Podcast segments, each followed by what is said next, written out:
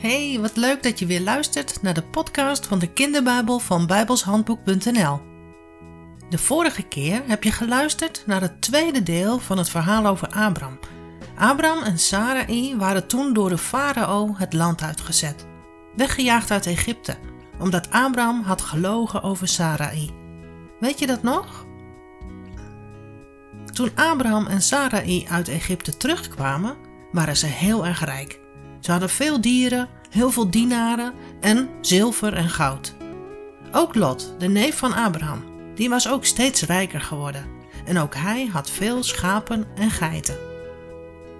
Al die dieren moesten natuurlijk wel bij elkaar blijven en niet weglopen.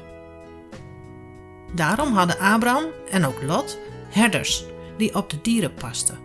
Herders zorgden ervoor dat de dieren bij elkaar bleven en dat ze genoeg te eten en te drinken konden vinden. Maar Abraham en Lot hadden samen zoveel vee, er waren zoveel schapen en geiten, dat er eigenlijk niet genoeg land was. Te weinig land en dus ook te weinig gras en water voor alle dieren. Dat was een groot probleem en daardoor kwam er ruzie.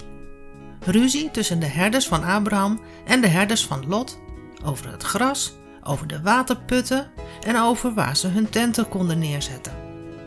Abraham wilde dat helemaal niet en hij zei tegen Lot: Laten we toch geen ruzie maken. We zijn toch broeders? We zijn familie. Kijk eens om je heen, Lot. We kunnen wonen waar we maar willen.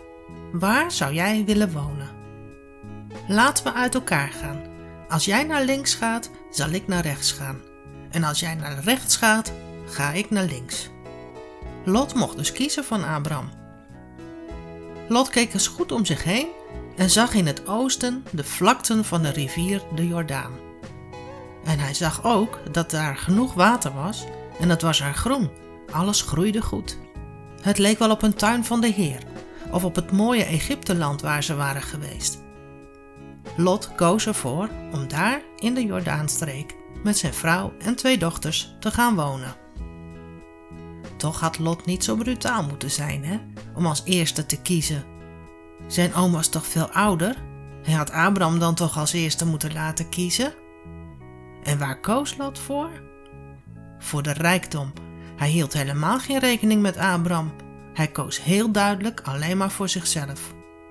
Als dat maar goed afloopt. Hij ging dus wonen in de vallei van de Jordaan, in dat prachtige gebied, vlakbij de stad Sodom. Later woonde hij ook in deze stad. Maar weet je wat de Bijbel zegt van deze stad? Er staat: En de mannen van Sodom waren boos en grote zondaars tegen den Heere. De mensen daar waren dus erg slecht. Ze deden alles wat de Heer verboden had. Abraham ging met Sarai in Canaan wonen. Ze voelde zich nu wel wat eenzaam. Ze hadden nou geen familie meer om zich heen en ook nog steeds geen kinderen. Toen zei de Heer tegen Abraham: Kijk eens om je heen, Abraham. Kijk naar het noorden, het zuiden, het oosten en het westen. Het hele land dat je ziet, alles zal ik voor altijd aan jou en je familie na jou geven. Ik zal van jou een groot volk maken, zo ontelbaar als het stof op de aarde. Kom, trek rond door het hele land, want ik zal het aan jou geven.